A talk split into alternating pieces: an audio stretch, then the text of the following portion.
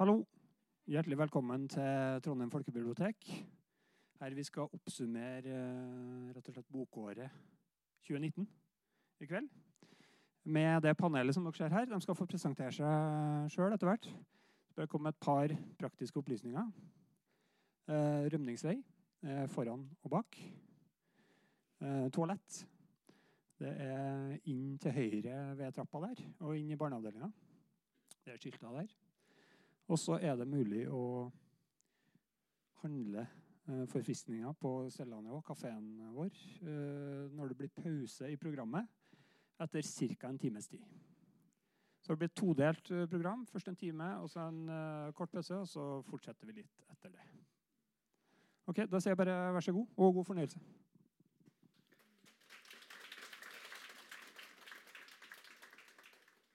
Ja, hører dere meg?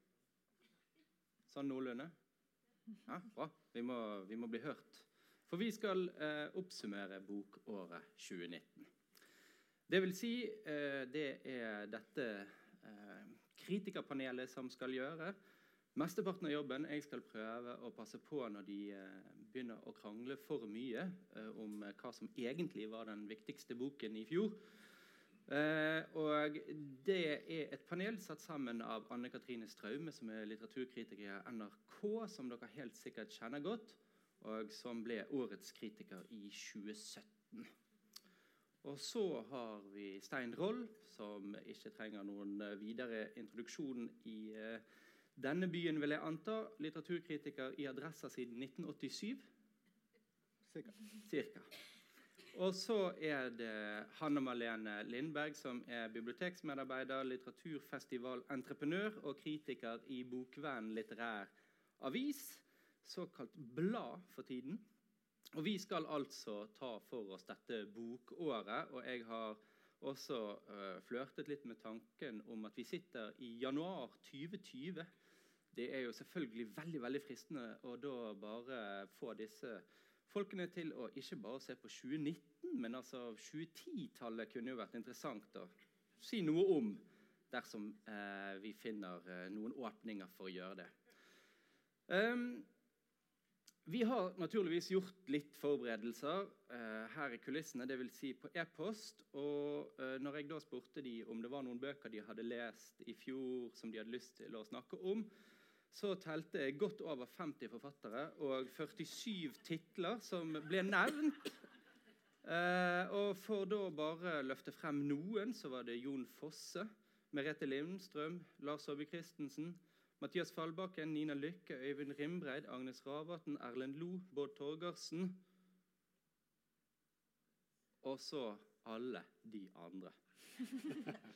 Og eh, Mange av de kommer vi helt sikkert til å komme inn på. Noen av de kommer vi kanskje ikke til å være fullt så opptatt av. Men det er klart at når vi har en hel time nå før dere får ta pause, og så en hel time etterpå, så skal vi klare i hvert fall en hel del.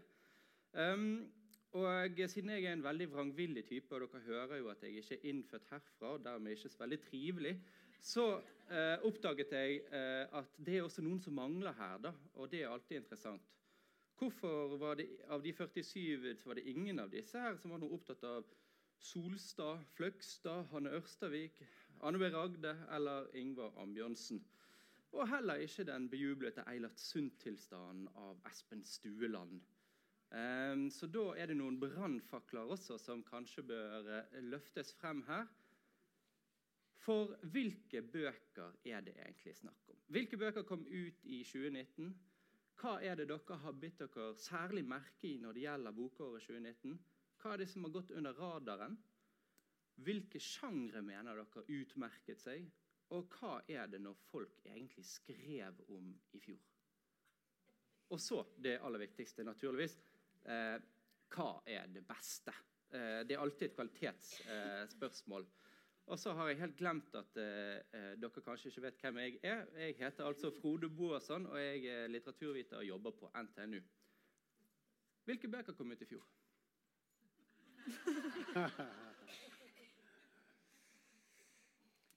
Skal jeg nevne ett navn? Um, hvis jeg skulle si hvilken bok jeg husket fra dette året, så er det Jon Fosse. Uh, Jon Fosse var nominert til Brageprisen, men fikk den ikke, for den fikk Nina Lykke.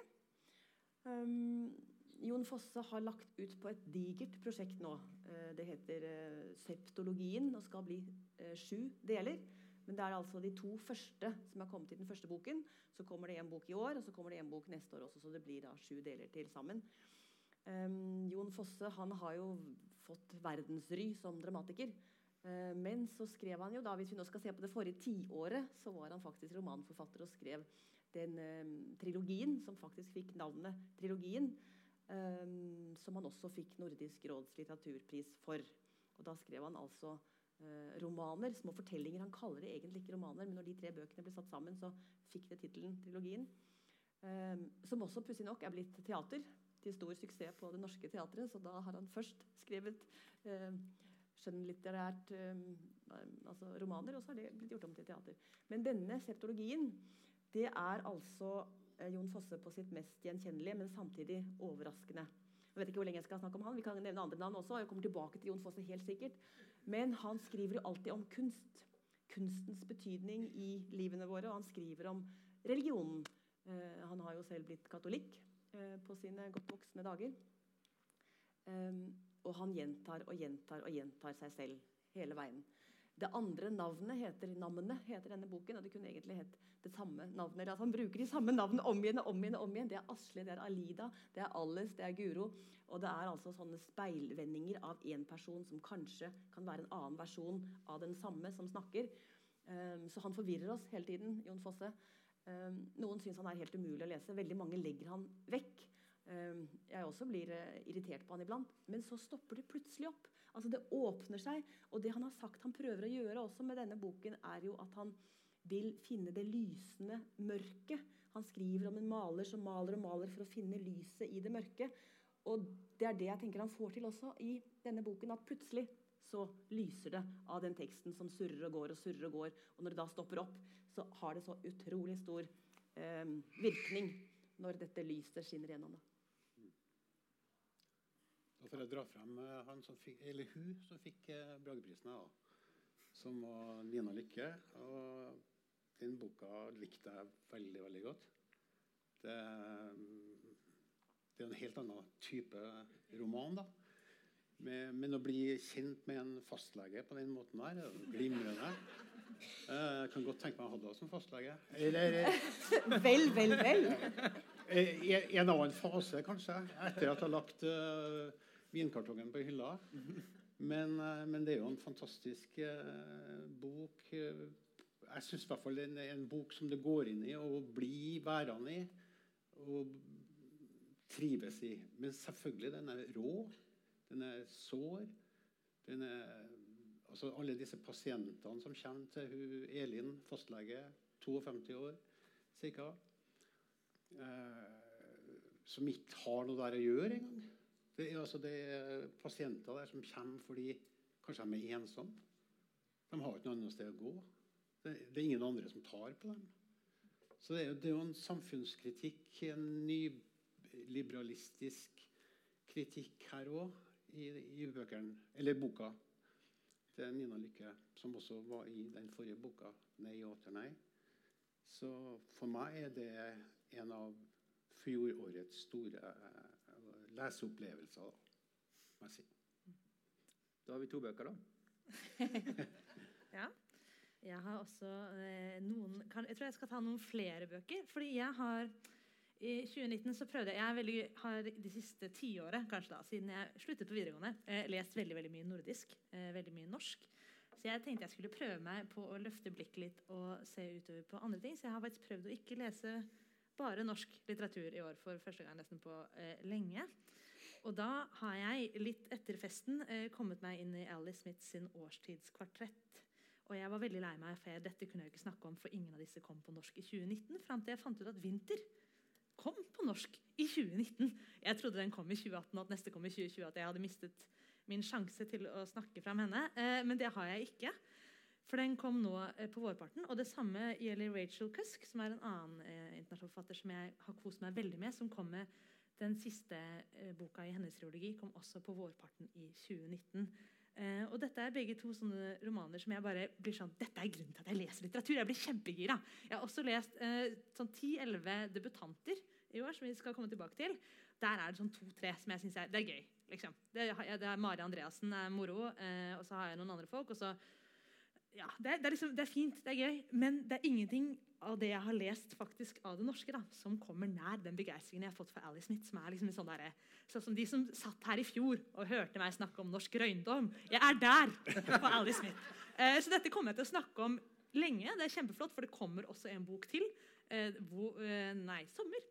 Den som heter Vår, kommer på norsk i 2020. så de som vil lese norsk, kan glede seg til det. Og Sommer kommer på engelsk i 2020.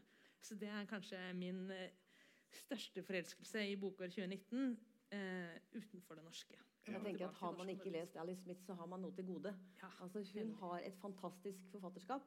Hun er jo også kritiker. Selv har vel vært både i The Independent eller flere. og The Guardian eh, er egentlig skotsk.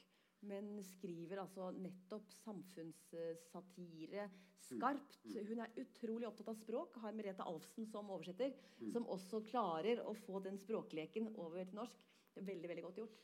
Og hun er en skarp og smart dame, Alice Smith. Har hun lest uh, Knausgård? Eh, Årstidsbøkene? Det vet jeg ikke. Og det er jo eh, alltid Men det som er jo litt likheten mellom de to, er jo, som jeg tror jeg også det jeg synes er så veldig gøy, at hun bryr seg så mye ikke bare om samfunnet rundt seg. Det er jo eh, brexit-romaner. dette her, så Hun er liksom tar eh, Storbritannia i dag, og så sier hun 'Hvor står vi nå?' Og så følger vi forskjellige folk. Eh, så vi har liksom en mor og en sønn og hans eh, kjæreste, som egentlig ikke er kjæresten hans, men en, fyr, en dame som han får til å spille kjæresten sin fordi han har sagt han skal ha med kjæresten hjem til jul. Eh, og vi har en veldig veldig gammel mann og hans unge venn som har kjent ham i alle de år, som er veldig opptatt av hva hun leser. Altså det er veldig sånn helt sånn ordinære rammer og folk vi følger. Og så klarer hun å bake inn liksom politiske spørsmål og sånn, Hvem er det egentlig som har rett til å være i dette landet? Hvem var det egentlig som vant når vi stemte at vi ville ut av EU? Jo, folket vant, og folket tapte. Og hun drar også veldig flotte paralleller inn til kunst, som er sikkert derfor jeg også synes dette er så gøy. fordi hun er så lærd. og Etter hver bok så sitter jeg med en sånn liste av ting jeg skal lese, og ting jeg skal se, og kunstnere jeg har lyst til å bare liksom sitte og lese masse biografier om etterpå, uten at jeg egentlig hadde noe kjennskap om det før. Og det er jo det jeg har likt når jeg har likt Knausgård. Ja. Så er det de essay-bitene hans, hvor han legger ut om kunstnere og legger ut om diktere og har sånne lange, lange analyser som er på sånn, sånn nivå sånn Nå skal jeg ta for meg ordet aske. Dette her er, jeg har vært læringsassistent i allmenn litteraturvitenskap. Det har jeg tatt med meg.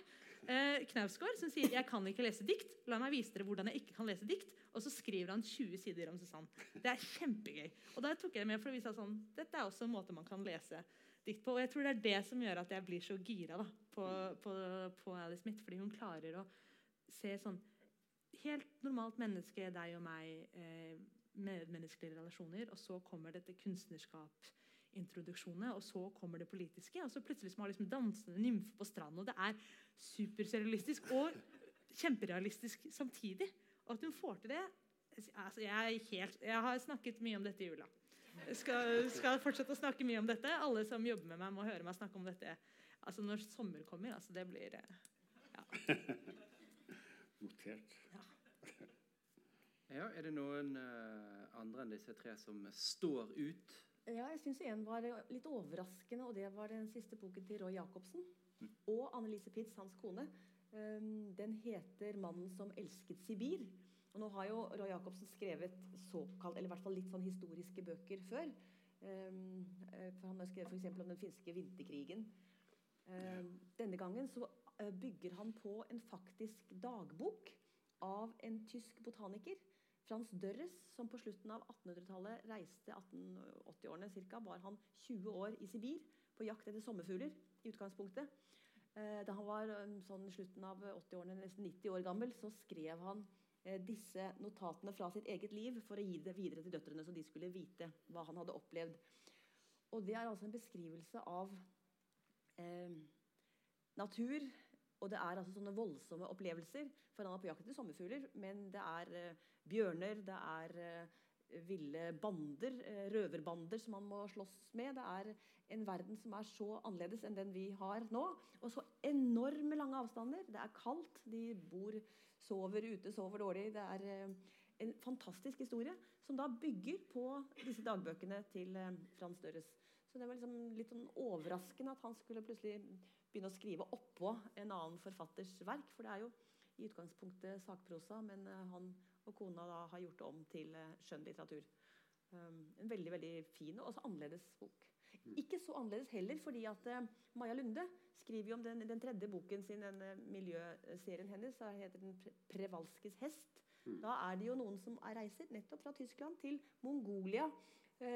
Så, og er opptatt av å få tilbakeført villhestene som egentlig er utdødd, og som bare nå eksisterer i fangenskap. Som de prøver å få ut i, tilbake igjen til, til vilt liv i naturen. Så plutselig har vi to bøker som dreier seg om Sibir, Mongolia, og som handler om eh, vilt liv eh, der. Så, så, sånn sett så var det en kobling mellom de to.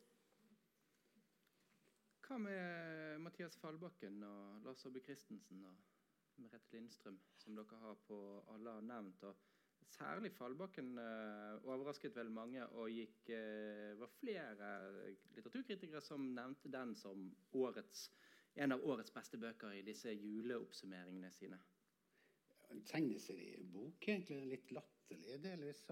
Litt morsom. og Man prøver å være litt uh, altså Den leirklumpen som blir til en litt skummel sak oppe i bygda med den familien. Oppe i råbygda der. Hvor det blir så kjedelig når hunden dør, at far går i Altså mor sitter på serie og, og drikker vin. Og barna de syns det er veldig leit når den hunden er død. Og så begynner far å gå i, i garasjen og, og elte en deig, eller en leir, leire, som får eh, en intelligens etter hvert. Da, som Og begynner å ta over husstellet i huset. Og begynner å bli ordentlig skummel på landsbygda. Eh, ja, underholdende, men vel ikke noe stor roman i, mitt, i mine øyne. Det er jo eh, horror, virkelig horror også, Ja. for det går eh, grusomt galt. Ja. Men, men jeg ser også som altså Det er en slags beskrivelse av fordi Først så får du veldig sånn realistisk beskrivelse av denne familien. Mor er frisør, far han er en eh, snekker eller eh, håndverker. Veldig dyktig sådan.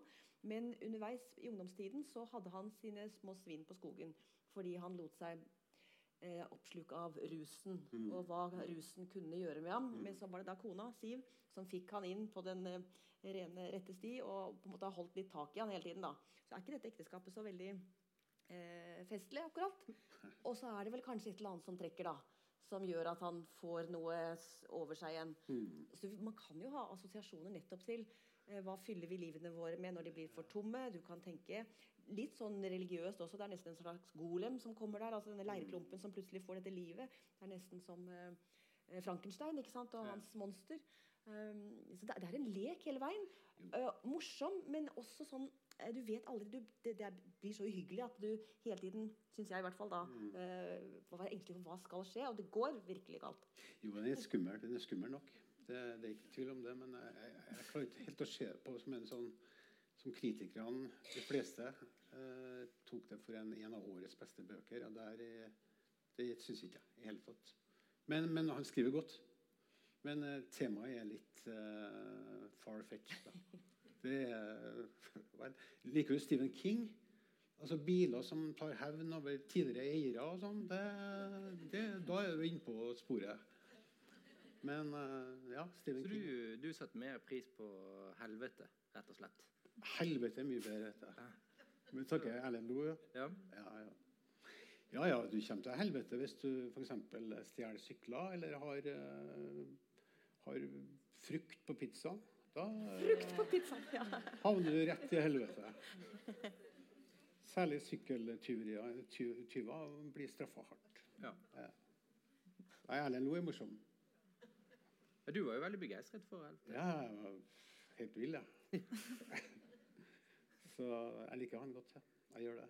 Han får sagt ganske mye om eh, forskjellige ting på veldig små flater. Eh, han er, det er religionskritikk, selvfølgelig. Jesus som drar og henger og slenger. Og, og Gud, Gud som en kvinne som ikke har hatt sex på lenge, og er sur. Og ja, han, han tar den litt ut, da. Rett og slett. Altså, jeg, synes jo, jeg leste også Erlend Loe. syntes det var morsomt. Er, for det, han er en av de fatterne jeg elsket Erlend Loe. Da jeg leste sånn gikk på ungdomsskolen, syntes det var helt, helt nydelig. Jeg syntes det var kjempegøy. Og så fant jeg ut da, i fjor tror jeg først at det hadde fantes en fjerde bok. Den uh, 'Slutten på verden slik vi kjenner den'. Ja. Så leser jeg den, og så ble jeg litt sånn Å ja. Det var sånn, dette, det, dette var Erlend Loe, liksom. For han er så veldig morsom. Han er liksom, det er så veldig sånn slapstick-humor og liksom han har en tone da, som jeg, der var litt sånn, var kanskje litt mye av det gode. tenkte jeg litt sånn innimellom. Og med helvete òg. den liker jeg bedre, for den synes jeg er på en måte mer sånn Den er mer bare morsom, føler jeg, egentlig, enn at den egentlig er en samfunnskritikk, fordi det er så over the top. Men jeg synes ikke det For det er, også litt, det er jo den Erlend Loe sin bok, og så er det Nina Lykke.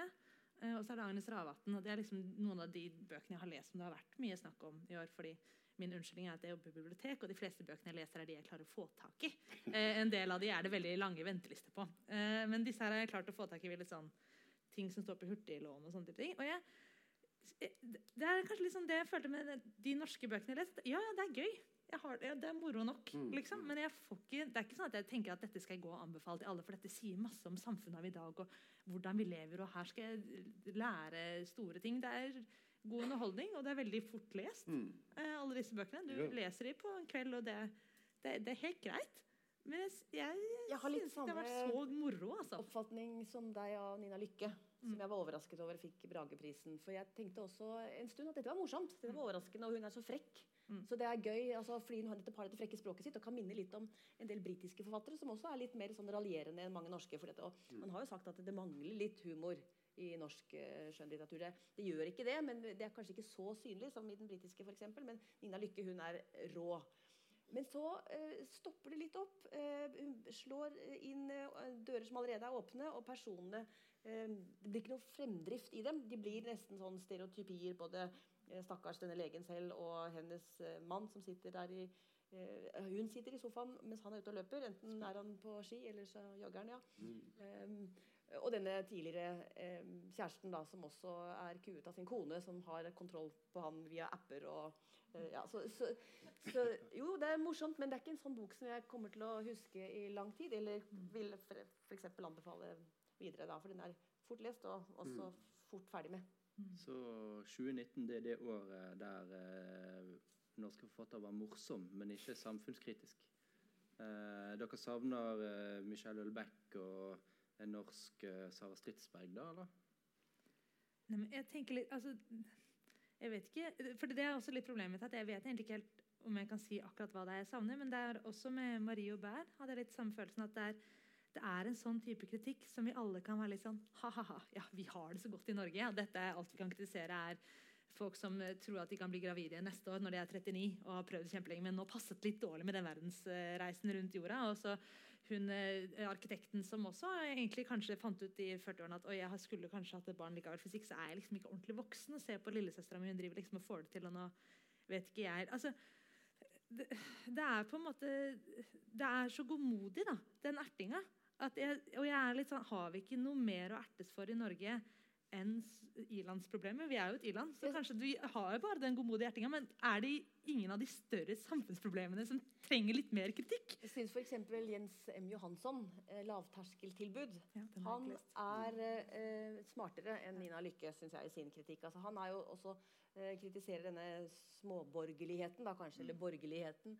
Det er altså en forfatter som eh, har stagnert litt i livet sitt, og så får han plutselig et kjempestipend på nesten en million, i hvert fall 800 000-900 000 kroner, for å skrive eh, den store arbeiderromanen.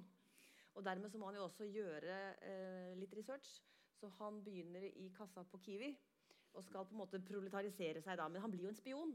Altså Hvordan han er da med disse som jobber der, hvordan han hele tiden møter seg selv i døren, og til slutt så avslører det jo at han sitter der av en grunn, og han har fått alle disse pengene for å skrive nettopp og, Men er han den rette stemmen til å Og og her er det kritikk f.eks. av eh, sånne settinger som nå, eller altså Litteraturhuset i Oslo som vil ha han inn og få han til å fortelle med det samme han har fått dette stipendet før han har skrevet et eneste ord.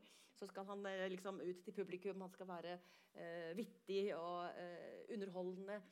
Um, og han, eh, det, det syns jeg er veldig, veldig godt gjort. Der får du også eh, syn på Når han skal begynne å beskrive hvordan eh, arbeiderklassen har det, eller hvordan eh, nordmenn som kommer fra andre steder enn Norge, har det. Og gi dem stemme, gi de stemmeløse stemme. Kan du gjøre det altså i vår krenkorama-tid heller, altså hvor du ikke kan egentlig uttale deg på eh, vegne av andre enn deg selv? Det blir en, en både morsom og tankevekkende eh, roman. Jeg har en dyp en her også. Jeg leser ikke bare tullebøker. Og det, det, er faktisk en debutant. Uh, heter for Aina M. Eidseid og skrev en bok som het for 1525. Altså fem på halv fire. Som uh, befinner uh, Hun, altså forfatteren, befinner seg Eller altså Personen Agnes i boka, juristen Agnes, befinner seg i åttende etasje i Høyblokka 22.07. i 2011. Og det gjør også forfatteren, som er jurist. befinner seg, altså Her er det virkelig virkelighetslitteratur. Men det som skjer, det er jo Kontoret hennes blir jo blest. Glasset spruter, veggene detter. Det hyles, det skrikes. Det dør mennesker lenger i gangen. Eh, og hun springer ut får oppleve en voldsom skyldfølelse. Hvorfor stoppa ikke, ikke opp og redda noen som de var skada eller om de var døde? Eh, og Det sliter med. Men det er også en parallellhistorie, en innenforhistorie, hvor hun er adoptert eh, av, en, av, et um, ektepar hvis altså mannen bryr seg ikke, og, og, og, mora bryr seg heller ikke. Så det er en slags todelt historikk, historie.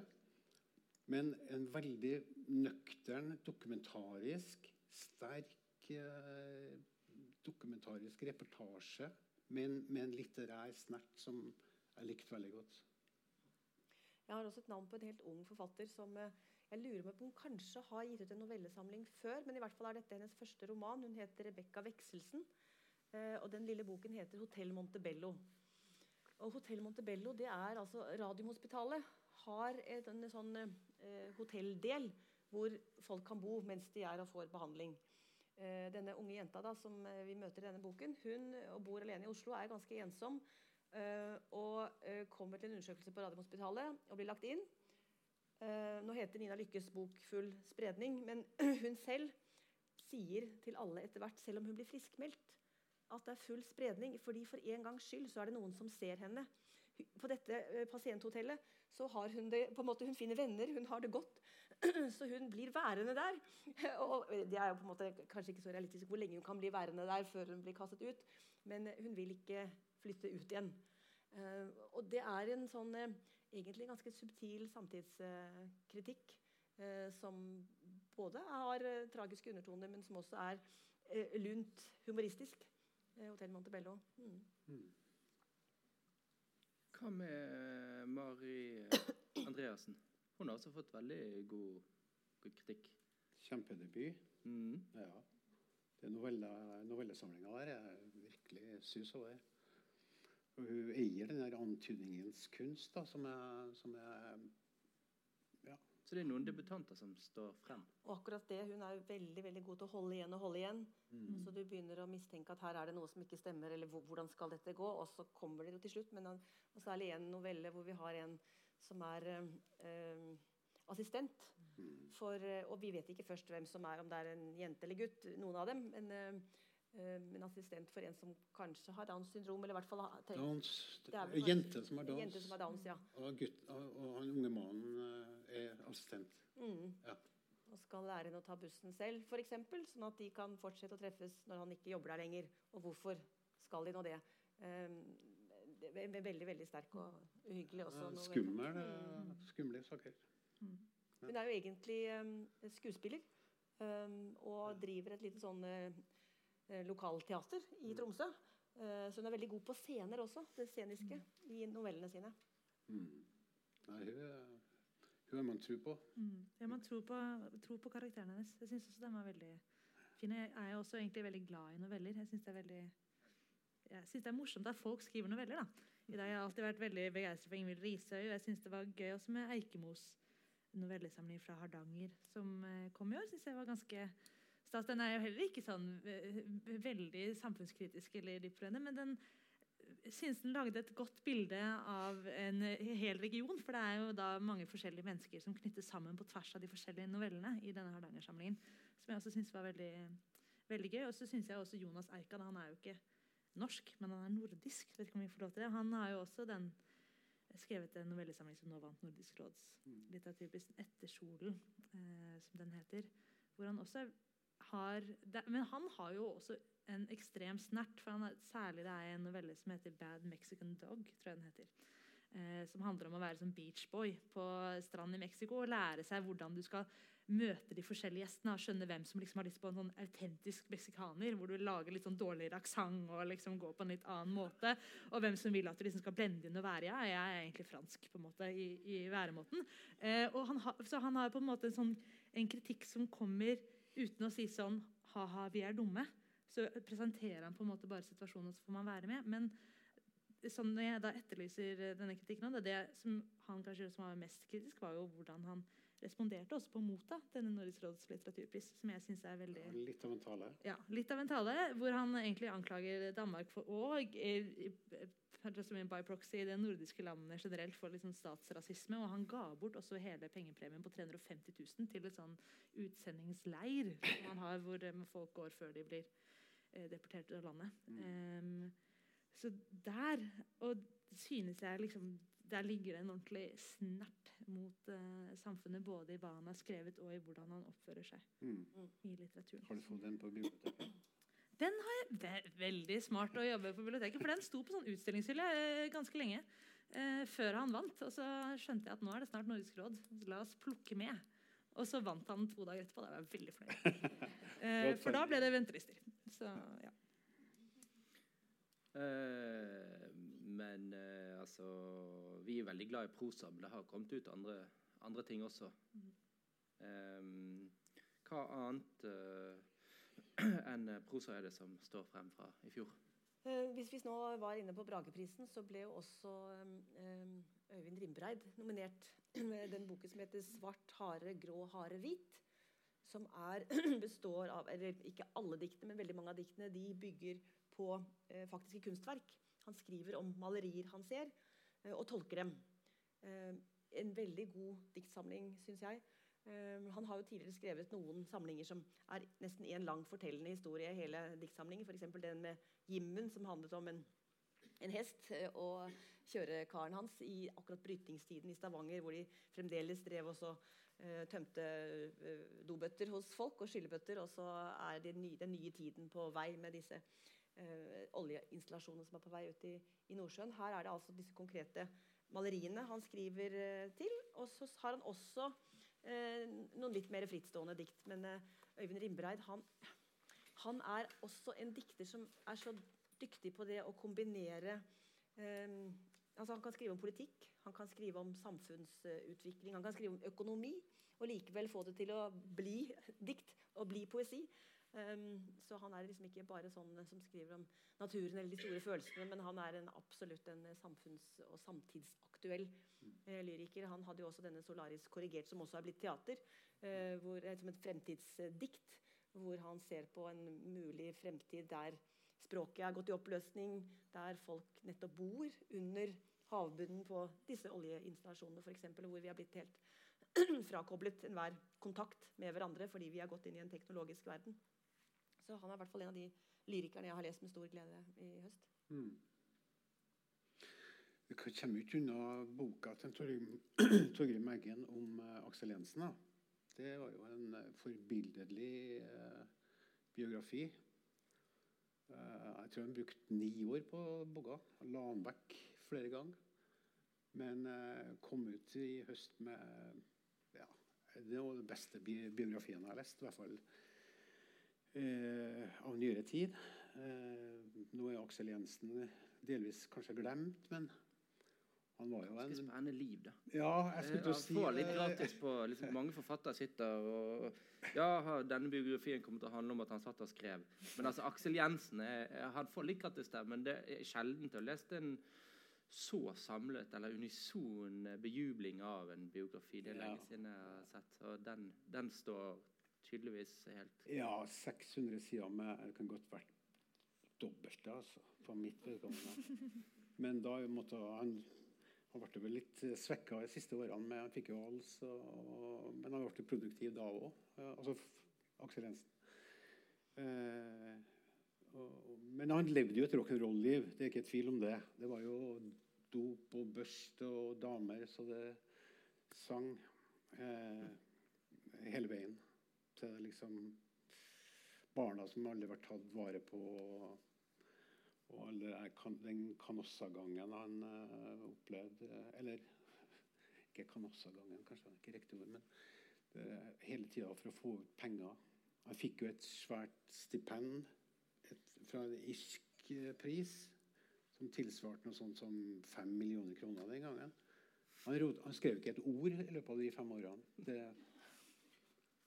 han var på fylla, rett og slett. Altså. Han, han brukte pengene sine på en helt annen måte. Men bøkene hans vil jo stå, stå, igjen. Jeg vil si at uh, Line og ja, Epp, kanskje, mm. den står seg. Og, ja, det Kommer det en uh, Jensen-renessanse nå? Ja, kanskje. Kanskje Kanskje det er det som er 2019, den, den biografien får, frem at vi har glemt Aksel Jensen. Det kunne jo, kunne, da, da, har han gjort en god jobb, um, Torgeir Meggen. Andre bøker som, uh, som uh, da innenfor andre sjangre som må nevnes, eller? Mimir Kristiansson uh, sin 'Mamma er trygda'. Den syns jeg var ordentlig både morsom og rå kan fortelle om mora si som fikk kreft allerede i 30-årsalderen. Og blitt en kasteball i, i Nav-systemet. Og Det er jo en uh, solidarisk holdning til mennesker som har blitt sett ned på. Som er, går i Nav-systemet og blir ja, Vi ser jo hva som har skjedd den siste uh, tiden. Så den boka likte jeg veldig godt. Uh, den er faglig altså Han er jo en dyktig politisk skribent. Du vet jo hvor, hvor sida han står på. Han har jobba i Klassekampen i mange år. Men eh, det, det, har ikke noe å si for uh, framstillinga, for den er, den er ganske ja, allmenn og røff, da. Men interessant. Sprek bok. Anbefales. Noen andre lyrikere? Jeg har en lyrikkantologi. Eh, jeg har ikke vært så flink til å lese lyrikk generelt, men jeg leste én eller to eller hundrevis av søstre, som Amalie Kasin Lerstang var redaktør for. Hun fikk Tarjei Vesaas debutantpris i 2013-2014 for en bok som heter 'Europa'. Eh, og så ga hun ut diktsamlingen 'Vårs' om Notodden i 2018, tror jeg. Mm. Eh, og hun hadde vært redaktør på denne eh, antologien, som samler eh, kvinnesaksdikt fra hele verden, hvor de også har gjort et ganske godt arbeid med å oversette en del ting som ikke har oversatt til norsk før. Mm. Og det syns jeg var et ganske uh, sympatisk prosjekt. Det er på en måte vanskelig å ikke være sympatisk innstilt til sånne prosjekter. Det skal jo sies at det skal liksom mye til å si sånn Nei, jeg syns dette var bare tull. å trekke fram kvinnelige lyrikere som har skrevet om, uh, om, sine erfaringer og kvinnekamp. Det er på en måte duket for at man er sympatisk til det. Uh, men jeg, det synes det er jeg, synes det er sånn, jeg er veldig glad i antologier og sånne serier som altså Jeg har også um, sett i, og ikke lest hele, Third Culture Kids av og Raza Nakwi, som er med sånn forskjellige eh, fortellinger fra folk som har vokst opp mellom kulturer. Um, og sånne type ting, og da også Norsk røyndom og denne diktantologien. Jeg synes Det er så deilig, for det er en så veldig fin måte å få et visst overblikk på. Og så er det så mange ting man etterpå må gå bort i bokhylla eller gå på biblioteket da, og så finne opp ting fra magasinet og tenke at men her lå det en eller annen skatt som jeg ikke visste om. Og det var veldig, det var mye gøy da, å finne i, i den uh, antologien. Jeg syns godt det kunne kostet på seg litt mer sånn introduksjoner av de forskjellige. Det savnet jeg. Uh, at man kan, Når du først har liksom gjort et så stort arbeid med å finne fram forskjellige poeter fra på tvers av egentlig hele verden, uh, mest nordisk, så kunne man kanskje hatt litt mer sånn Hvem var disse? Hvilken tid skrev de? Eh, som igjen da hadde vært et mye større prosjekt, men jeg tror også det hadde vært en mye mer interessant bok. Men hvis det er noen som er som meg, tenker at åh, burde kanskje vært litt flinkere til å lese lyrikk, Eh, så er det å gripe tak i f.eks. den antologien eller en annen antologi også finner man de tingene man liker. Da. Så det syns jeg er eh, en god ting fra 2019. Jeg leser jo mye barne- og ungdomsbøker. Um, og nå er det akkurat kommet en biografi for barn om Anne-Kat. Vestli. Uh, for det er jo nå 100 år siden hun ble født, i februar. Uh, og hun sa på 1950-tallet Eller hun revolusjonerte og sjokkerte radiolytterne for å fortalte barn at at uh, småsøsken kommer ikke med storken, men de blir faktisk, de kommer ut av mors mage. Og en som på en måte gjør noe da veldig drastisk, enda mer drastisk i forhold til vår tid om det samme temaet, det er Anna Fiske, som kom med den boken 'Hvordan lager man en baby' i fjor. og for mange foreldre så ble vi nok litt sånn Hup! Fordi at det, det, er jo en illustrert bok som viser både hvordan barna blir laget, og hvordan de blir født. da. Sjokkerende. Ja, det, faktisk så, så gjør hun det på en helt naturlig og helt grei måte, men det, likevel så har den fått enormt mye oppmerksomhet. Eh, veldig fin bok, morsom også. Hun er jo så underholdende. Det er en, fagbo, eller en sakprosabok, men også uh, hun, uh, for eksempel så viser hun også eh, sædcellene på vei fremover. og så håper jeg vinner, eller liksom småkrangler litt. Og, så hun har på måte faktaopplysninger på en humoristisk måte. Uh, så det er en ganske artig bok. Mm. Ellers, det som um, jeg syns utmerker seg nå med barne- og ungdomsbøkene, er en større uh, Hvis vi nå skal etter hvert se på kanskje hele tiåret også, så kommer vi sikkert inn på litt med klimalitteratur. Og i barnebøkene så har det vært til stede lenge. Dystopier har vært uh, altså, hva, hva, gjør vi når verden er gått under? Hvilke etiske problemer er det barna står overfor? Um, vi har filosofiske bøker for ganske små barn. altså Kari Stae for eksempel, skriver uh, om store uh, eksistensielle uh, filosofiske problemer, som hun løser godt med disse Jakob og Deikob-bøkene sine. Um, Henrik Hovland har skrevet om denne lille krokodillen Johannes Jensen, som egentlig er ligningsansatt, og som er redd for alt. Og I årets bok så skal han da på tur til Bergen på en konferanse. med koffert og det hele. Han må ta nattoget, men han er jo også redd for å ta tog. Og han er redd for natten. Han kan ikke få seg til å reise. Men kona sier nå må du, du må tørre, du må, av og til så må du våge noen ting. Det skal nok gå bra. Og så kommer han da på stasjonen og tenker nei, dette går ikke. Og tårene, krokodilletårene triller. Men så møter han da doktor Fjell, som er altså så trygg som et fjell, og han er elefant. Og han sier at ja, men vet du hva, jeg skal på samme konferanse som deg. Vi kan reise sammen. Men først så bestemmer de seg at det, siden det er så skummelt, så kan vi vente en dag. Så eh, De venter en dag, og så neste dag så tør han. Reiser sammen med doktor Fjell. Og Han utsettes for det han er redd for, men han kommer seg gjennom det. da. Og Sånne bøker for barn det er jo eh, veldig veldig fint å se at det fins i 2019. Ja, det, det, er jo absolutt ikke rart at de er livredde, disse ungene. Altså eh, Kommer hjem og sier at de må bli vegetarianere, for ellers så dør alle. Eh, så vi trenger en doktor Fjell, rett og slett. Uh, men er det noe doktor Fjell i voksenlitteraturen? Har vi noen uh, som, uh, som uh, kan støtte oss gjennom den utrygge tid? Kanskje voksenlitteraturen i større grad skremmer oss. Eller altså Mye god litteratur gjør jo det. Den gjør oss urolig, og den slutter ikke der og da. Den får oss til å tenke videre og kanskje reagere også. Um, så jeg kommer det er jo Interessant at eh, for vi, Du nevnte det allerede ved, ved Lunde til, om miljøbøkene og klima og dystopier. at Barnelitteraturen der, eh, der er, Det er jo en åpenbar samfunnskritikk, for så vidt. og et, et, samfunnsperspektiv som uh, dere savner på hvert fall delvis alvoret i, i voksenlitteraturen. Og hvis den uh, nå er bare flyttet ned til barna, så er det ikke rart at de blir uh, blir skremt, og vi ler, på en måte. Vi, det, vi ser ja, ikke alvoret overhodet. Det, det som er veldig tydelig nå, da, i barne, spesielt i ungdomsbøkene, kanskje, det er For det har vært nesten gjennom hele tiåret så har det vært en, en uh, hang til uh, dystopier. da. Mens nå er vi over på samtid igjen, og det er mørkt. Mm. Det er altså sykdom, det er foreldre som dør, det er selvmord som behandles i disse bøkene. En som jeg, av de sterkeste jeg leste nå i høst, det er 'Alt skal brenne' av svenske Sofia Nordin, en ungdomsroman. To venninner som har et veldig tett forhold, og som nettopp blir eh, miljøaktivister. Eh, de er opptatt av at de skal få mer vegansk mat på skolen, f.eks. Eh, og de, de, brenner så sterkt at den ene brenner faktisk helt eh, opp. Det er den venninnen som er mest pragmatisk og på en måte er politikeren av dem, mens den andre er den revolusjonære. Hun ender med å faktisk avslutte livet. En, en ganske sånn eh, skremmende ungdomsroman, men også en bok som, eh, som eh, jeg er helt sikker på at ungdom vil kjenne seg igjen i også. Ja, nå begynner vi jo å ha fått løftet frem eh, en del bøker, egentlig. Eh, det har skjedd eh, skjedd litt over hvert i 2019, virker det som. Og nå ble også virkelighetslitteratur, dette uhyre tullete begrepet som vi sikkert skal gå inn på, løftet frem. Miljølitteratur, virkelighetslitteratur. Og vi, vi nærmer oss snart pause, og da trenger vi jo litt litt perspektivering, fordi dere har også lest mye utenlandsk litteratur. Eh, eller Smith eh, nevnt og sånn.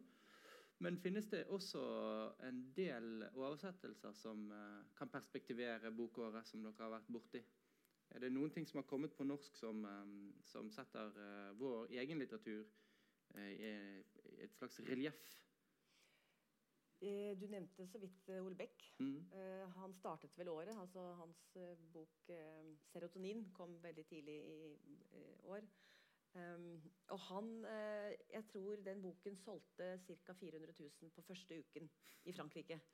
Um, han er jo en sånn enfant terrible, altså virkelig en rabulist som liker å provosere også, men som um, har en slags evne til å ta tiden på pulsen. Eh, Så i den boken så skriver han jo en sånn, om en slags sånn lede i en tid hvor eh, religionen er borte, de store ideologiene er borte, det er den sterkestes rett, eller du skal på en måte eh, Det er en ny liberalismens tid hvor vi skal på en måte kreve, og du skal få. Og du skal, hvis ikke du får det, så har du alltid noen å klage på. Eh, her har vi en hovedperson som er eh, agronom. Han er nærmer seg 50. Kjærligheten er gått i stykker. Han er eh, misantrop. Um, hans beste venn uh, Han har ikke så mange venner, men han har, uh, da skal prøve å drive en gård på den franske landsbygda. Det er helt umulig, fordi det er ingen støtteordninger lenger. Alt går til store konglomerater og i EU-perspektivet. Det er en veldig um, også en uh, nedbrytende og uh, dyster bok. Men så er den også morsom, da. uh, Olbæk er flink til å liksom ta ting på kornet. Um, og denne gangen så syns jeg kanskje den ikke er så misantropisk som han har pleid å være. Han Ikke vel, forut- veldig mørk. bare, han er bare ekstremt mørk, ikke så mørk. Ikke så mørk, men han forutsetter også de, de gule vestene, da. Mm. Eh, før, de, før den første demonstrasjonen kom, så, så var han på ballen der. Han er en smart eh, strateg. vet du. Han uh, starta jo tidlig med bøker som skulle provosere. Altså hylla sex, eh, Viagra til middelaldrende menn og sexturisme til Thailand.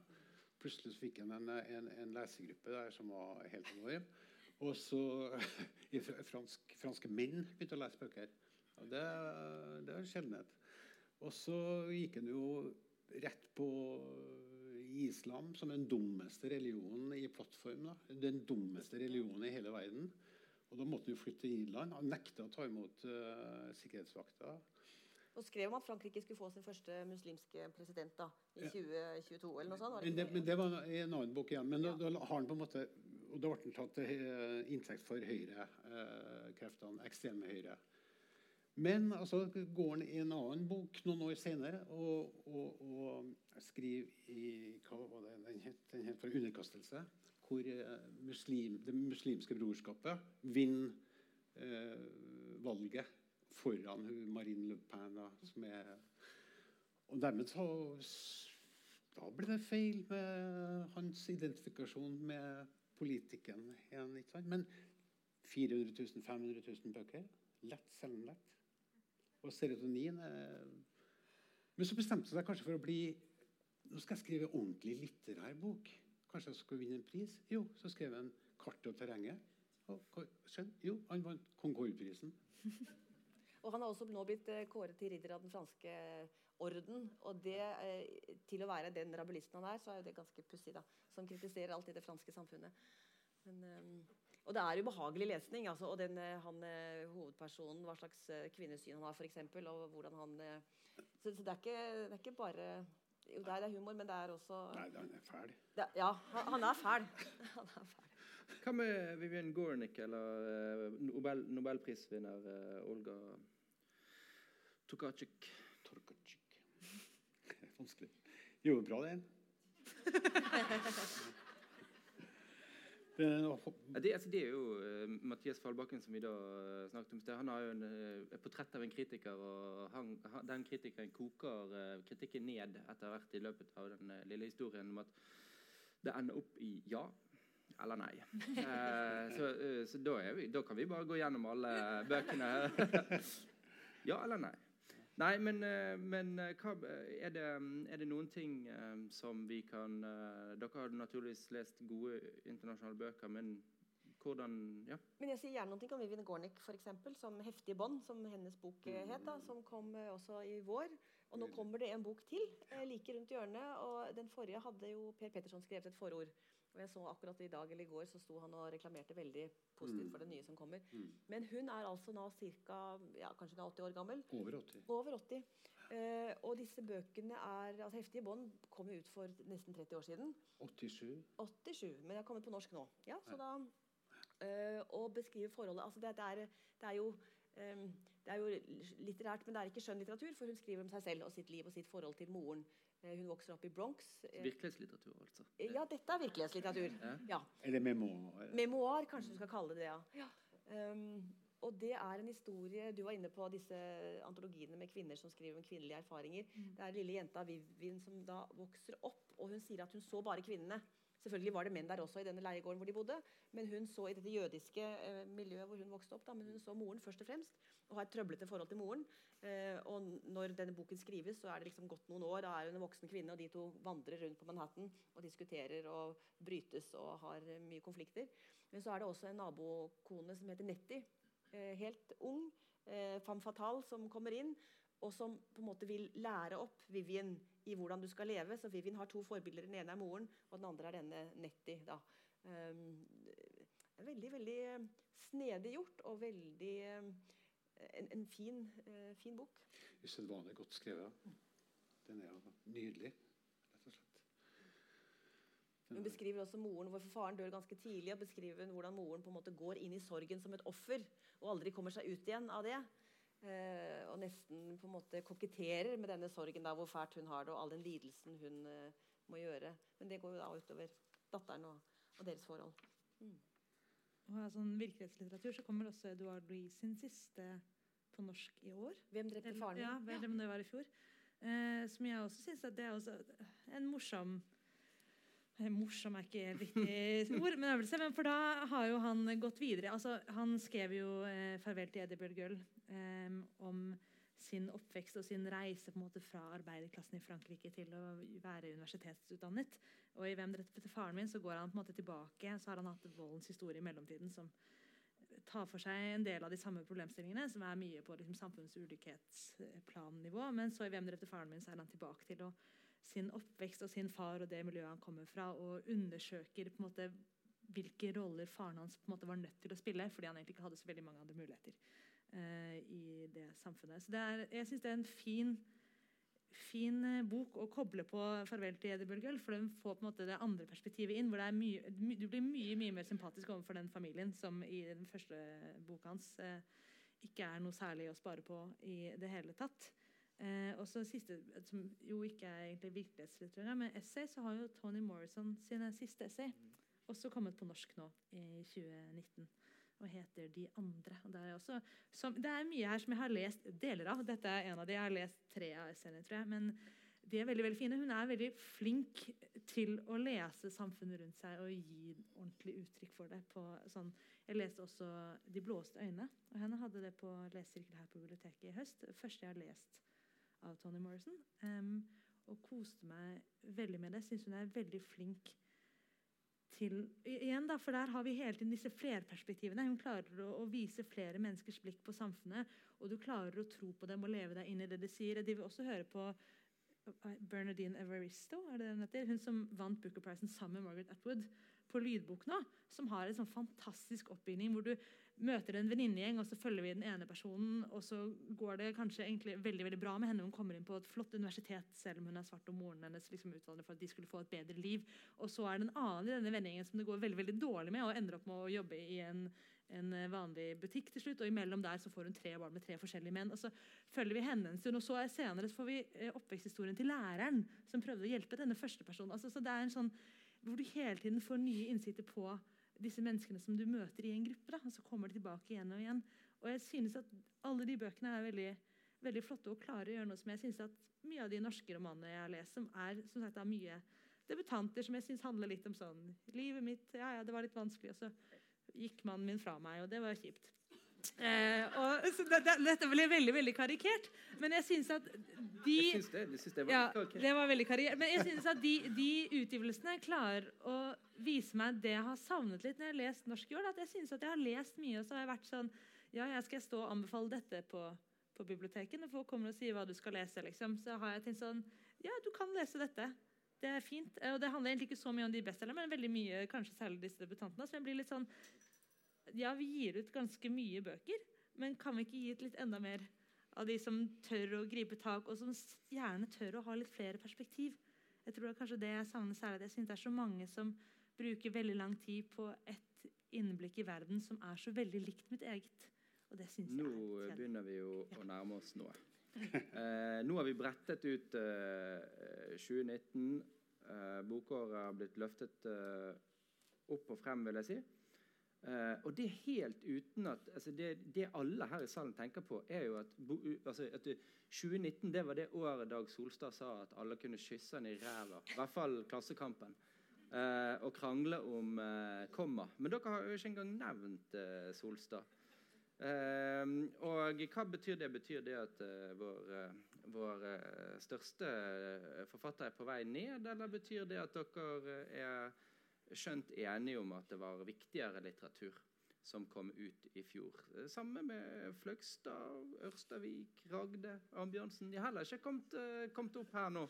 Så jeg tror at vi er nødt til å begynne å kvesse sabelen litt, eh, mens eh, alle får en liten en liten påfyll i glasset sitt. Og nå er det da, skal vi si, ti minutter. Og det betyr stort sett alltid et kvarter. Men altså et kvarter er Da begynner vi igjen. Eh, og så er det en liten pause, rett og slett. Så begynner vi ved neste korsvei. Kranglingen. OK. Vi har nå eh, brettet ut eh, bokåret sånn noenlunde. Og i og med at det er alltid sånn at ikke alle er fornøyd, så er det noen ting dere savner her. Så skal vi åpne for litt spørsmål mot slutten. Så er det bare å stille de spørsmålene til eh, bokåret som dere måtte ha til panelet vårt. Når vi eh, nærmer oss eh, blir vel klokken, nærmer oss klokken ni. Før det så har jeg litt lyst til å begynne med nettopp det altså, som selvfølgelig en nydelig overgang fra sist. Vi snakket nemlig om eh, Solstad og det og, og hans kritikk i Klassekampen. Eh, for det at eh, det er jo klart at det i fjor var eh, mange gode litteraturanmeldelser, mange eh, gode litteraturdebatter, men også noen veldig viktige eh, sånn eh, Hva skal man nå egentlig kalle de? Men litt rabalder var det nå i litteraturavisene, og særlig Klassekampen, men også Morgenbladet, hadde et opprop og et opprør fordi at det skulle bli mindre litteraturkritikk. Eh, det skulle bli mer fokus på andre ting enn eh, litteratur og kultur, og det gikk dårlig for Morgenbladets eh, daværende redaktør, som måtte gi, legge inn årene og, og rett og slett gi avisen videre til de som ville bringe den litteraturlinjen videre. Det var i hvert fall sånn den ble frontet i offentligheten. Og I Klassekampen så måtte redaktøren gå ut og beklage til Norges aller, aller, aller største forfatter. Eh, fordi at de hadde bedt noen eh, komma-eksperter se på hans litteratur. og Den slags eh, kan man jo ikke eh, man, altså man skal jo ikke gjøre det med Solstad. Eh, man har aldri kunnet komma-regler, heldigvis. Eh, og er det der litteraturdebatten står? Hanne Malene, du ble jo trukket inn i en litteraturdebatt hvor en eh, ung forfatter mente at eh, kritikerne overhodet ikke er kompetente lesere lenger. Så hvor, eh, hvor skal vi si at også litteraturdebatten var i 2019? Bøkene OK. Eh, fraværet av eh, Solstad i vår eh, oppsummering, kanskje det har noe å si. Og diskusjonen handlet altså om komma. Så hvor sto litteraturkritikken også i, i fjor? Ja, nei, for den uh, komma-diskusjonen Jeg synes jo egentlig som eh, litteraturviter så synes jeg det er litt gøy hver gang uh, litteraturstoff blir førstesidestoff. Og det blir det når Solstad liksom er sur. Eh, da får vi det, får vi det på forsiden. Det synes jeg er veldig, veldig gøy. Eh, men det å gå etter den romanen var, Alle var vel enige om til slutt at det kanskje ikke var den beste måten å prøve å lese Solstad på, var å se etter kommafeil, som de jo trakk tilbake. At det er jo ikke snakk om feil, det er snakk om merknader. Vi hadde ikke funnet 500 feil, vi hadde 500 forslag til ting som kunne vært gjort annerledes. Um, men jeg synes jo også kritikerne har klart å fange opp en del ting hvor jeg synes forlagene burde uh, ha kritikk i, i år, som jeg kanskje synes altså er vel så viktig. Og da tenker jeg på ehm, denne sjaman Durek-saken, som eh, de fleste sikkert har fått med seg. Eh, Cappelen Dam har gjort litt rare ting i år. De skulle gi ut eh, sjaman Durek sin bok, eh, hvor han bl.a. Jeg har jo ikke lest dette, jeg har bare lest kritikken, men skulle si at folk som har kreft, de kan jo kanskje ha påført seg det selv, og hvis man tenker litt annerledes, så går dette så bra.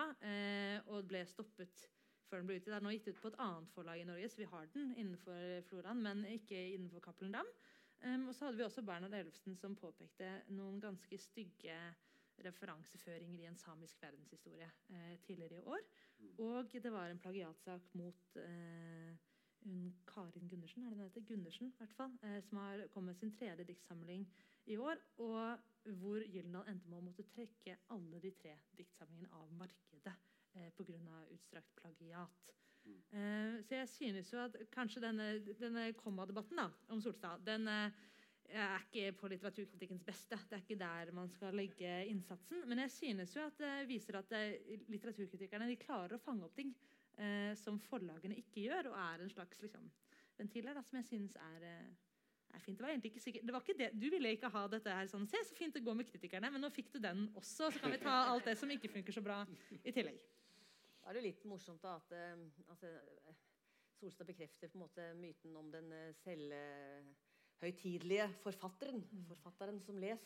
Altså det er eh, som ikke kan altså, eh, tåle noe kritikk mot sin person eller sin måte å skrive på, for han er fullstendig frikoblet fra enhver eh, kommaregel. Altså, og det, det, det, man kunne jo ha sett det morsomme i det også. Jeg, jeg, det var jo egentlig litt sånn artig idé fra Klassekampens side.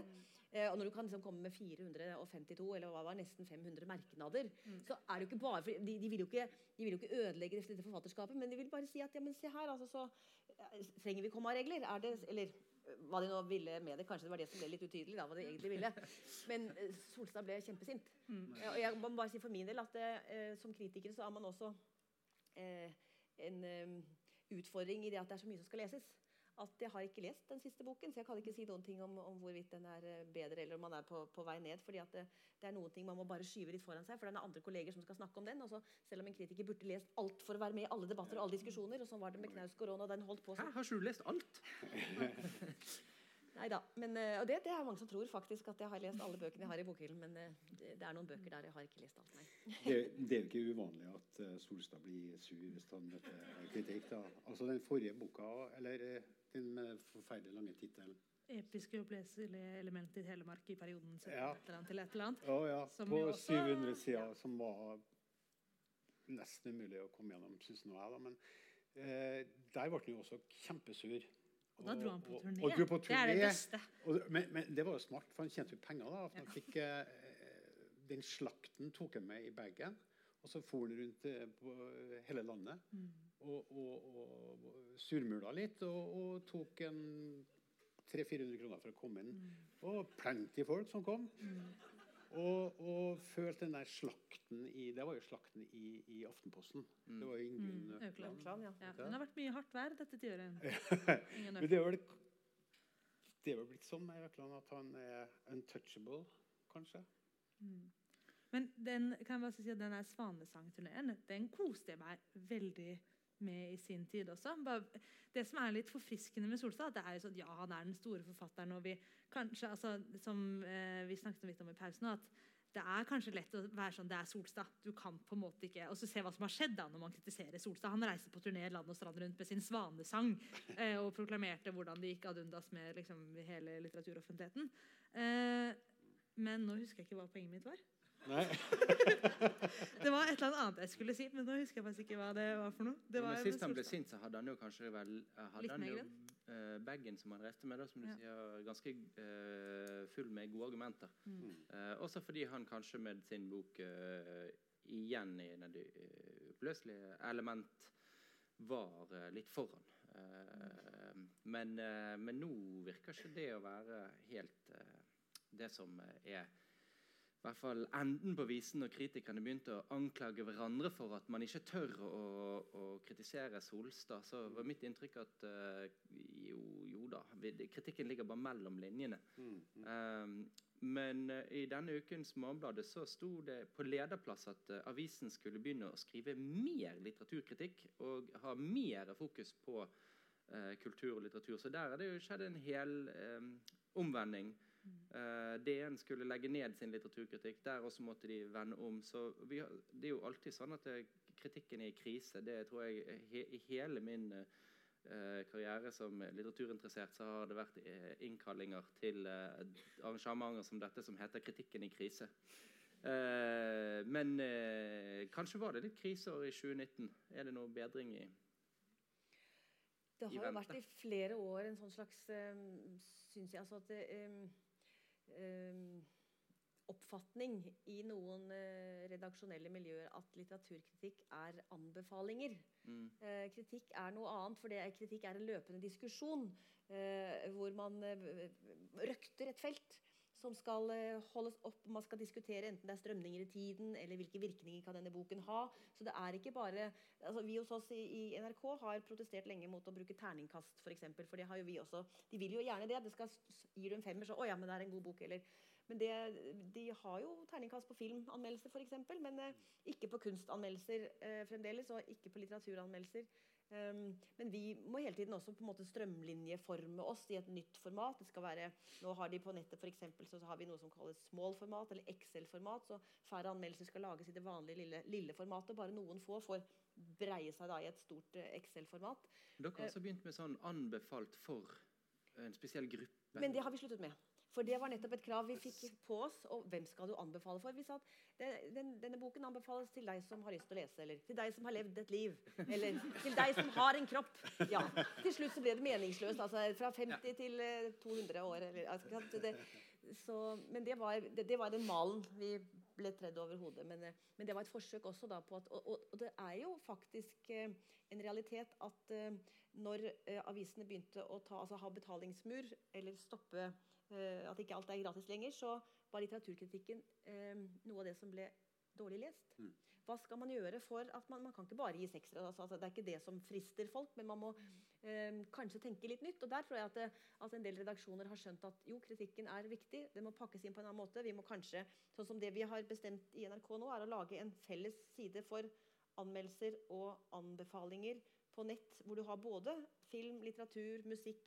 Folk er jo interessert i ulike kunstuttrykk. Og så kan du da kanskje se det andre der du er. At du har en egen side hvor du vet at her får vi eh, vurderinger, eh, her får vi analyser.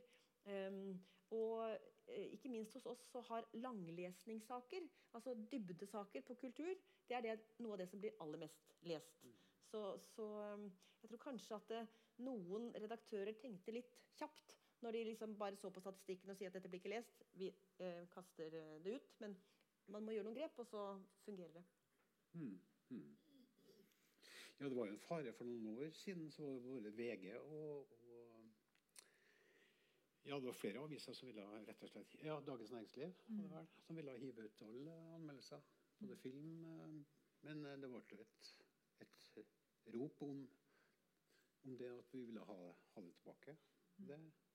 Men i Adresseavisa ser vi jo at det er blitt eh, Vi har blitt altså Det er færre bøker som anmeldes nå enn enn for to, tre, fire, fem år siden. Mm. Det er jeg ikke i tvil om, og det er noe av det du sier med, med problemet med å legge det ut på nett. For det blir mindre lest. Det viser seg i forhold til Rosenborg og sport. Kanskje Adresseavisen også må begynne å skrive lengre og mer litteraturkritikk? da? Ja, på sportssidene. Ja, men Vi kan jo gå eh, rett til kjernen, og nemlig det du eh, sa her, at eh, kritikk det er å røkte et felt. Ja, og- og eh, 2019, hvordan skal vi røkte det? Ja, ehm, Vi snakket også litt akkurat her nå om at det pågår en debatt når det gjelder eh, barne- og ungdomsbøker. Fordi at til innkjøpsordning, Det er jo innkjøpsordning for eh, både voksenbøker og barnebøker. eh, Og dette vurderings... Juryen der de kan eh, nulle bøker, altså nekte å kjøpe det inn til biblioteket. eller det vet jo eh, de som jobber i bibliotek, Eller man eh, kjøper det inn til biblioteket, men forlaget selv må betale for det. De får ikke tilbakebetalt disse pengene. Um, men de trenger ikke å ha noen begrunnelse for avslagene sine. Og nå, f.eks. så har de avslått bøker av Kari Stai, som jo har skrevet denne Jakob og Neikob-serien sin. Veldig gode barnebøker for de aller minste, med store filosofiske diskusjoner. Morsomt, humoristisk. Den siste boken hennes var ikke den beste. Den har en liksom, veldig tydelig klimaprofil, men den er god, og den er sikkert bedre enn veldig mange andre. Er det fordi man da skal være streng mot eh, en som har gjort det bedre før? Rune Belsvik, som kom med 'Fuglegutten', som var nominert til Brageprisen, ble ikke innkjøpt heller. Det er kanskje heller ikke hans beste, men den er i hvert fall eh, bedre enn veldig mange andre.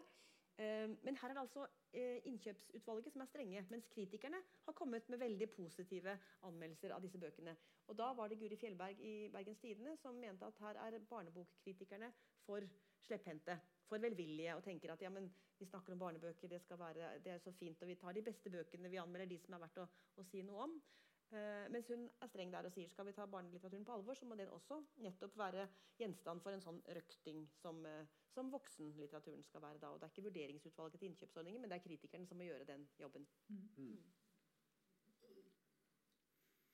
Og det, er- men det som er, jeg synes er fint i den kritikken, er at jeg jeg prøver jo å følge litt med på barne- og ungdomslitteraturen fordi jeg jobber i et bibliotek. Eh, Der kommer det også barn og ungdom, og særlig foreldre til barn og ungdom, og vet ikke helt eh, hva de vil at de skal lese eller barna skal lese. Så jeg prøver å lese litt eh, i hvert fall kritikk av barnebøker og, følge med på det. Og jeg synes jo en at det er blitt ganske mye god kritikk, og så to så synes jeg jo egentlig det er veldig fint at vi har disse debattene om debatten. Jeg synes Det er en fin, eh, fin eh, påminning til oss selv om hva vi driver med, og hvorfor vi driver det.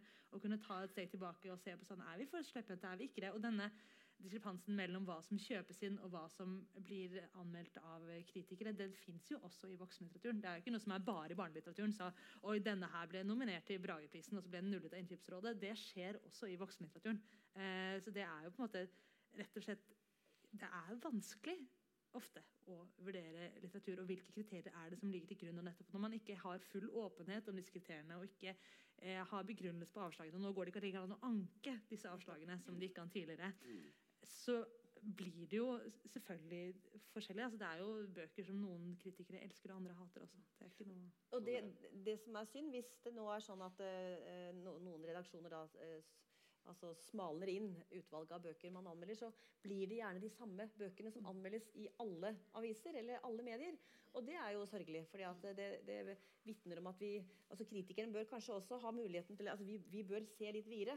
Og ikke, og, men der er det nettopp også dette her med at, ja, men hvem er det som leser det? De alle vil lese de mest kjente forfatterne. Um, men plutselig så dukker det opp en eller annen som er en stor nyhet. Ja, men den har vi ikke anmeldt. Nei, men vi vil ikke ha anmeldelse av en ukjent debutant som ingen har lest før. Dere får ikke lov til, ikke sant? Så det er eh, hele tiden Kritikerne bør lese bredt. Og vi bør også anmelde bøker av helt ukjente navn. Men det er Var det, var det noen som gikk under radaren? Altså, som ikke da bare ikke ble anmeldt, Nei, men vi som ikke ble ikke an- nok Eh, Vi hadde ikke sett i det hele tatt på Mari Andreassen før hun ble Brage-nominert. mm. Ikke sant? En novelledebutant. Nå er også novellene de, de må jeg si er litt sånn stemoderlig behandlet.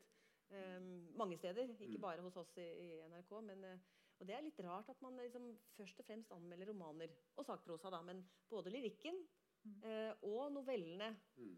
syns jeg nok går litt under radaren hos mange. Eh, og barnebøkene har gjort det før, men det gjør det ikke nå. Jeg synes både Aftenposten har, Dagbladet har altså Det er mye, mye god eh, og velbegrunnet kritikk om, med barnebøker. Men lyrikk og noveller er, eh, er det verre med. Er det noen trender da, som eh, med, med året som har gått og vi har lagt bak oss, er det noen ting dere vil si eh, kan brukes til å oppsummere noe? Jeg tenker særlig f.eks. på Fallbakken, som dere var innom. da. Var jo veldig eh, sentral eh, 00-forfatter. eh, Og har lagt om eh, skriver helt annet, eller i hvert fall eh, virker å ha et noe annet prosjekt i forrige ti år eh, som vi nå har lagt bak oss. Er det noen ting som Eh, de, utmerker seg. så sier noe, Salgstallene sier jo det at det er ikke én sånn, eh, én forfatter i år som har liksom vært den store bestselgeren og solgt og vært liksom det navnet alle snakker om, men det er mer jevnt. Du har flere forfattere som har gjort det bra. Det jeg syns, eller tenker egentlig når jeg ser på året under ett, er at det er, det er ganske stor spredning i tematiske valg. Altså, du har både historiske romaner og du har litt sånn utfordrende annerledesromaner også, som f.eks. Eh, Jan Kjærstad, som ikke er så opptatt av å skrive sånne relasjonshistorier og psykologiske romaner. Jeg synes jo Vi har hatt mye av det også i Norge de siste årene. Om tette forhold som nettopp går som du sa til, og så forlater mannen min meg etter disse utfordringene. Eh, og det har vært liksom Geir Gulliksen har du hatt der, og eh, ja, Vigdis Hjorth har jo vært i den også. Det har vært flere. Men, men, i år så er det liksom både historiske ting Du har Fallbakken som nettopp er sånn nesten går, Han går jo over i det uh, surrealistiske eller magiske. Um, så det er um, det er mulig å gjøre forskjellige ting, og det kan gjøres godt. Mm.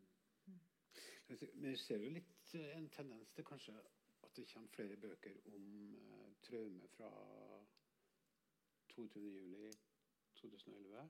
Mm. Eh, Kjersti Halvorsen, den eh, 'Ida tar ansvar'. Også den boka jeg nevnte i sted, med hun som var oppe i høyblokka. Jeg tror nok at den distansen i, fra traume liksom, det, det, det, Vi kommer til å se flere bøker. Og vi ser jo den serien som går på TV nå, mm. eh, om Utøya. At vi får en, eh, en enda større utvelgelse av, av, det som skjedde mm. den gangen. Ja, for den Ida tar ansvar er jo en av disse debutantene vi i år jeg leser som jeg synes ganske godt om. Og det gjorde vi vel egentlig alle, ja, alle tre.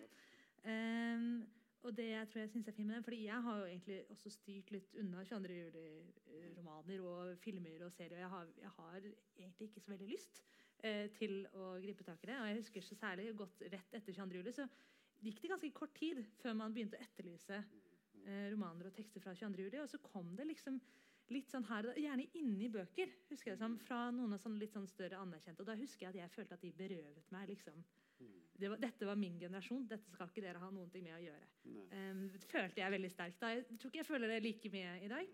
Men nå er det også da ganske mange flere som er på min alder og yngre, uh, som begynner å skrive om dette. Og det som er litt fint med den Ida til ansvar, syns jeg at det handler jo på en måte egentlig ikke om 22. i det hele tatt. Uh, det er en uh, stakkars student som har studert først i Trondheim, tror jeg.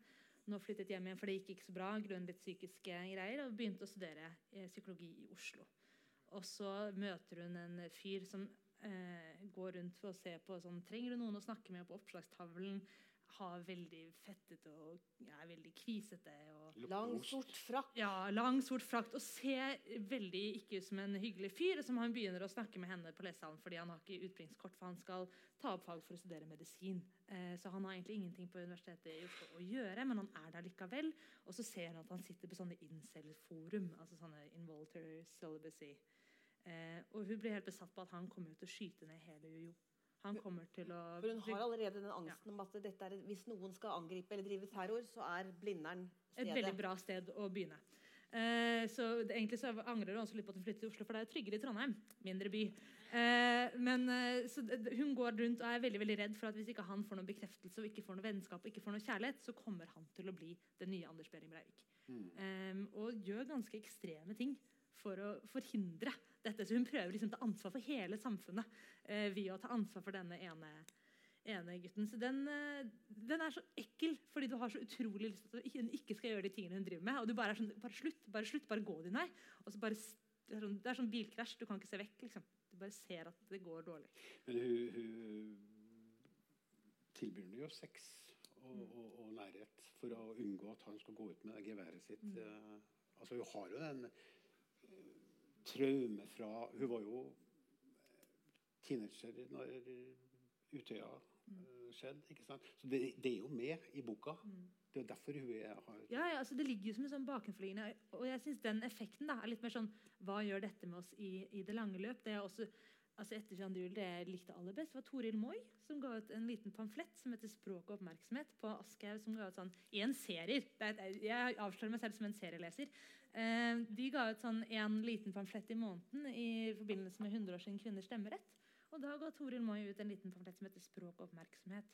Eh, hvor hun jobber veldig mye med dagligspråkfilosofi og ting som hun har jobbet mye med senere også, eh, men i veldig kort format. Veldig, veldig fin introduksjon. Og da skriver hun veldig mye om hvordan 22.07. endret måten vi måtte se på og bruke språk på. Som er veldig, veldig flott at hun er sånn Vi skjønte at vi måtte ta språket på alvor. Vi skjønte at vi måtte ha et språk som man kunne kommunisere med. At jeg kunne si en ting, og du faktisk altså, for jeg hadde hatt lenge den diskusjonen at ja, ja, min virkelighet er ikke din virkelighet, og vi kan egentlig ikke snakke sammen, fordi når du sier blå, så kanskje jeg skjønner rosa. ikke sant? Men at man måtte forhandle seg fram til en felles forståelse. Jo, men det er det, litt flåsete sagt, men det er på en måte det hun, hun kommer fram til. da, i denne Som også er en måte å behandle 22. juli på som ikke er så veldig sånn nå skal vi skrive en roman om 22. juli, eh, men viser litt innvirkningen har hatt på samfunnet, som jeg synes at hun, eh, Kjersti Halvorsen også gjør på en fin måte. Det preger vel også, eller Terror i hvert fall, preger vel også Saabye Christensens roman? Det var jo en overraskende slutt på den trilogien. Eh, 'Byens spor', eh, hvor han jo skriver eh, fra Fagerborg i Oslo fra etterkrigstiden med Jesper og hans foreldre Mai og Evald.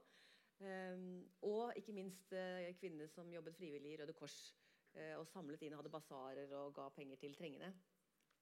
Um, og da var det jo den første boken eh, var vel nesten sånn slutten av 40- og 50-tallet. Og andre boken som var 60, så er vi på 70-tallet, denne siste som heter 'Skyggeboken'.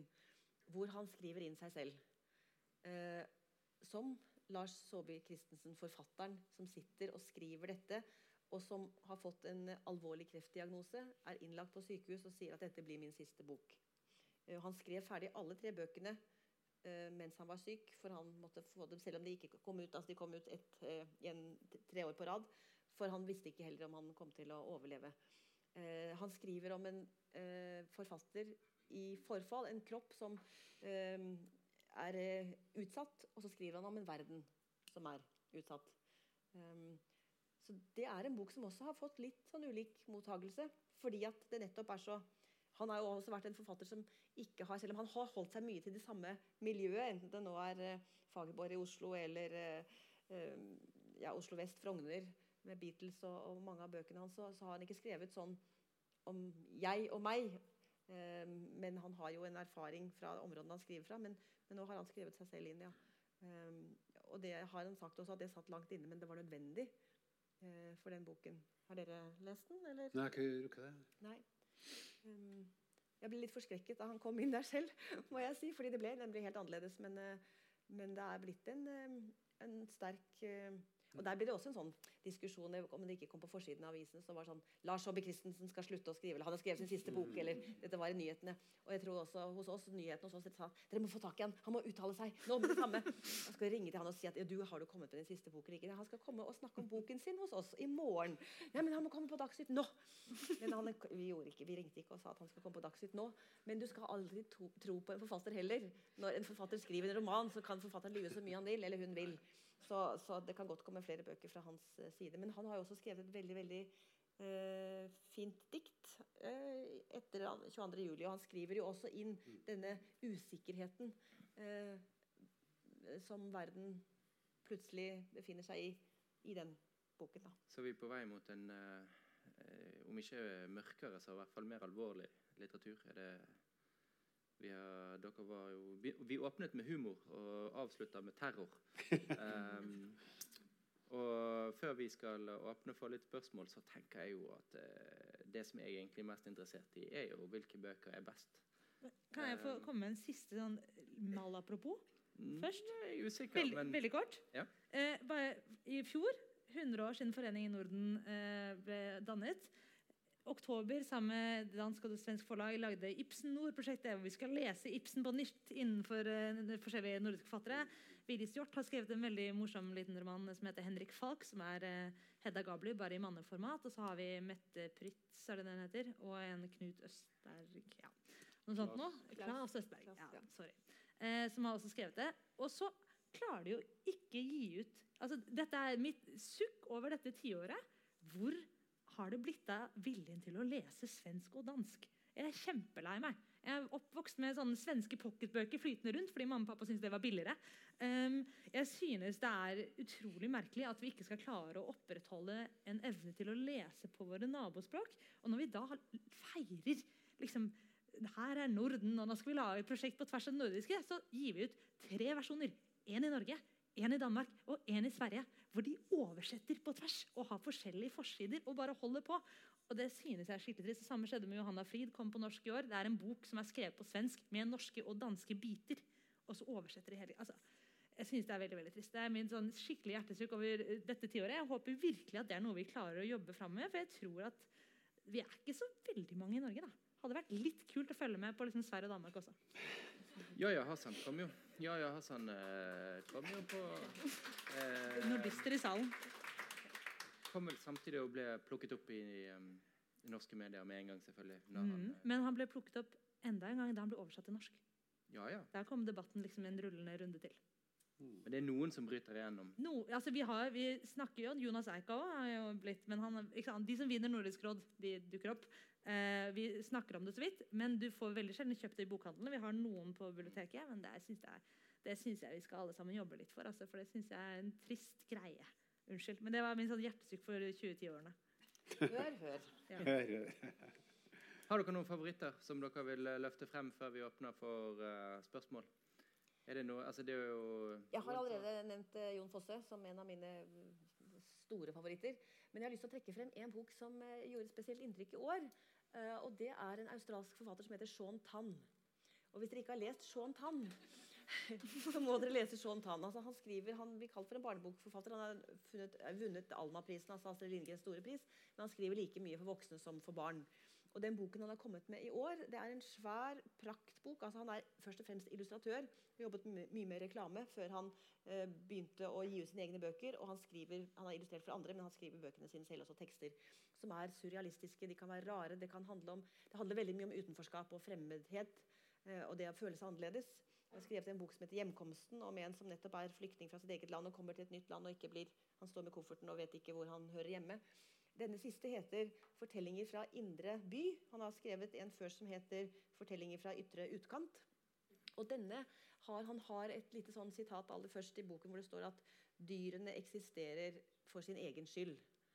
Så dette er en bok som, eh, hvis vi nå tenker klimalitteratur, eller hvis vi tenker at, eh, at, vi skal, at vi er en klode, og vi er flere enn menneskene som bebor denne kloden, så skriver han om det og illustrerer og har noen veldig, veldig eh, Hva skal jeg si for sånn eh, Mind-blowing, hadde du kanskje sagt på engelsk. Da. Nå må jeg prøve å ha norske ord her. Men altså, han, han eh, forandrer blikket vårt på eh, faste og oppleste, vedtatte sannheter, hvor særlig dyr og vårt forhold til dyr og verden vi befinner oss i, kommer til uttrykk. Og han er noen veldig eh, fargesprakende og kjempegode illustrasjoner. Bøkene hans passer like godt for voksne som for barn. Så Det er min eh, store favoritt i år. Apropos dyr, ja, så må vi jo ikke glemme Kokebjørn med Niemi. Det er jo en av de eh, virkelig store, underholdende, spennende bøkene i høst, syns jeg. Som har mye å si eh, om den historiske En krimhistorie om Lestadius. Ja, Eller, rett og slett. Rett og slett. Og, og Og lukt og smak. Hvis du skal si at en, sanse, en bok er sanselig, så er den sanselig. veldig, veldig. Og spennende og velskrevet, selvfølgelig. Og godt oversatt. Så det er også en favoritt. Absolutt. Altså, Jeg må jo bare slutte der jeg startet, for jeg har jo ikke rukket å si noe i mellomtiden om Alice Smith, folkens. Eh, dette, jeg glemte det litt i det hele, og det er også fordi det er jo ikke, det er jo ikke norsk, eh, norsk roman eh, av 2019. Men har, jeg har jo nå snakket om dere ser at det, det er ikke det at jeg misliker alle bøker som er norske som jeg har lest i 2019, men jeg bare har falt så utrolig for pladask for hennes forfatterskap. Jeg synes hun er eh, hun leker med språket på en helt fantastisk måte. Jeg synes hun er så utrolig dyktig til å skrive på en måte som jeg tenker at kan være, det kan være flott for de sånne som er som meg, som elsker å lese om kunst eh, og oppdage liksom, nye avkrok av verden. Jeg tror det er kjempespennende for de som bare har lyst på litt sånn familiedrama. Eh, jeg tror det kan være veldig, veldig fint for de som har lyst til å få innsikt i Storbritannia og den politiske situasjonen. Jeg tror det kan nå mange forskjellige mennesker hvis man bare prøver. Eh, så det synes jeg at, eh, at flere skal gjøre. Det er en bok som jeg tenker at den kan jeg anbefale til mange forskjellige mennesker på biblioteket. Uavhengig om, altså sånn, Hvis det er sånn jeg vil ha en politisk roman, så kan du få denne. Hvis du vil ha en roman som er veldig språklig gjennomarbeida, så kan du få den. Og hvis du vil ha en eh, roman om eh, kjip familiejul, så har du også den her. Altså, Du har liksom alt. Eh, så det er min store favoritt av i år. fordi vinter kom på norsk i 2019. Høres Altså, høres ut som du har gitt gitt Nobelprisen her. ja, det kunne jeg gjort. Hvis jeg hadde, holdt jeg hadde hatt myndighet. Da tror jeg vi eh, begynner å runde av. Jeg må på egen eh, Eller for, for egen regning må jeg, må jeg bare poengtere at eh, 2019 det var altså 500-årsjubileet for eh, boken i Norge. Eh, og den aller første boken eh, som kom til Norge, den kom seilende inn eh, til Nidaros. Så bokåret 2019 er faktisk en feiring av at boken kom hit. Eh, det var den første norske bok, så vi har eh, oppsummert nå ett av 500 år. Eh, og kanskje kan vi gjøre det til en tradisjon. Eh, så kanskje kan vi ønske alle velkommen tilbake til neste år. Det får vi se på. Takk for oss.